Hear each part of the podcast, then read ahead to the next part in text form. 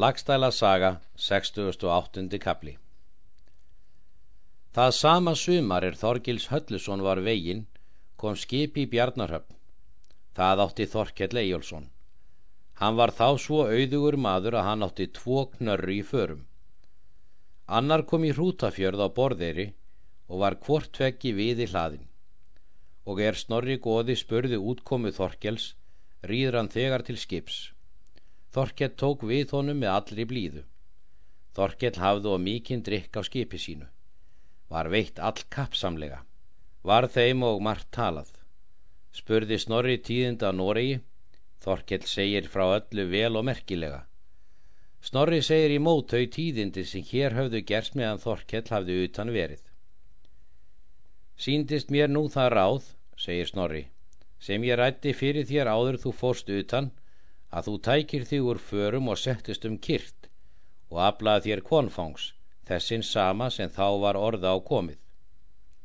Þorkell svarar, skil ég hvar þú ferð og allt er mér sliktið sama nú í hug sem þá rættum við, því að eigi fyrir mann ég mér hins sköfugasta ráðs ef það má við gangast. Snorri mælti. Til þess skal ég bóðin og búin að ganga með þeim málum fyrir þína hönd. Er nú og af ráðin hvort vekki hluturinn sá er þér þótti torsóttlegastur ef þú skildir fá guðrunar að botla er hend en það er þorgils frá ráðin. Þorkett mælti. Djúft standa ráð þín snorri og að vísu vilja að venda þessu máli. Snorri var að skipi nokkura nætur. Síðan tóku þeir skip teinart er þar flöyt við kaupskipið og byggust til ferðar hálfur þriðji tugur manna. Þeir fóru til Helgafells. Guðrún tók við snorra ágæta vel, var þeim veittur all góður beini. Og er þeir höfðu verið þar eina nótt þá kallar snorri til talsvið sig Guðrún og mælti. Svo er mál með vexti að ég hefi ferð þess að veitt Þorkalli Eyjólfsinni vinn mínum. Er hann nú hér komin sem þú sérð, en það er erindi hans hingað að hefja bónorð við þig. Er Þorkill göfugur maður? Er þér og allt kunnugt um ætt hans og aðtæfi? Skortir hann og eigi fjö? Þykir oss hann og einn maður líkastur til höfðingja vestur hingað ef hann vill sig til þess hafa. Hefur Þorkell mikinn sóma þá er hann er út hér en miklu er hann meira virður þá er hann er í Noregi með tygnum önnum. Þá svarar Guðrún. Sinir mínir munu hér mest af ráða, þorleikur og bodli, en þú ert svo hinn þriðji maður snorri að ég mun mest þau ráð undir eiga er mér þykja all miklu máli skipta, því að þú hefur mér lengi heilráður verið.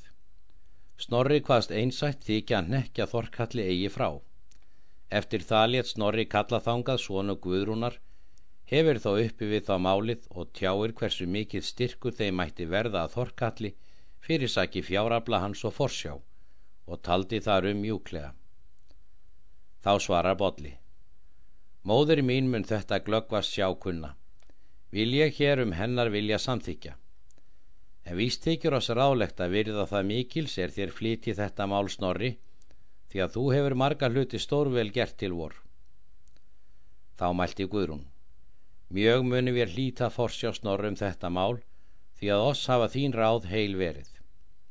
Snorri fyrst í hverju orði og réðst það af að ráðahagur skildi takast með þinn Guðrúnu og Þorkalli. Bauð Snorri að hafa búið inni. Þorkalli líkaði það vel því að mig skortir eigi föng til að leggja fram svo sem yður líkar. Þá mælti Guðrún.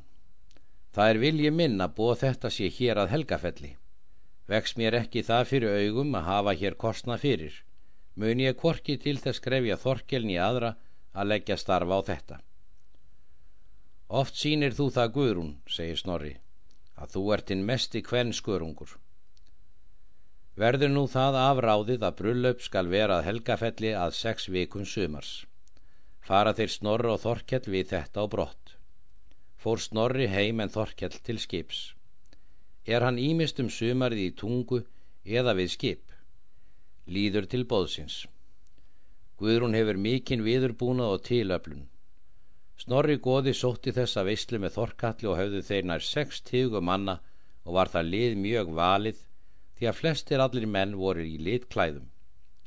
Guðrún hafði nær hundra fyrirbóðsmanna. Þeir bræður Boll og Þorleikur gengi í mót þeim snorra og með þeim fyrirbóðsmenn. Er snorra allvel fagnað og hans föruneyti. Er nú teki við hestum þeirra og klæðum. Var þeim fyllt í stofu. Skipuðu þeir Þorkell og Snorri bekk annan, þannig æðri var, en boðsmenn Guðrunar hinn óæðra bekk.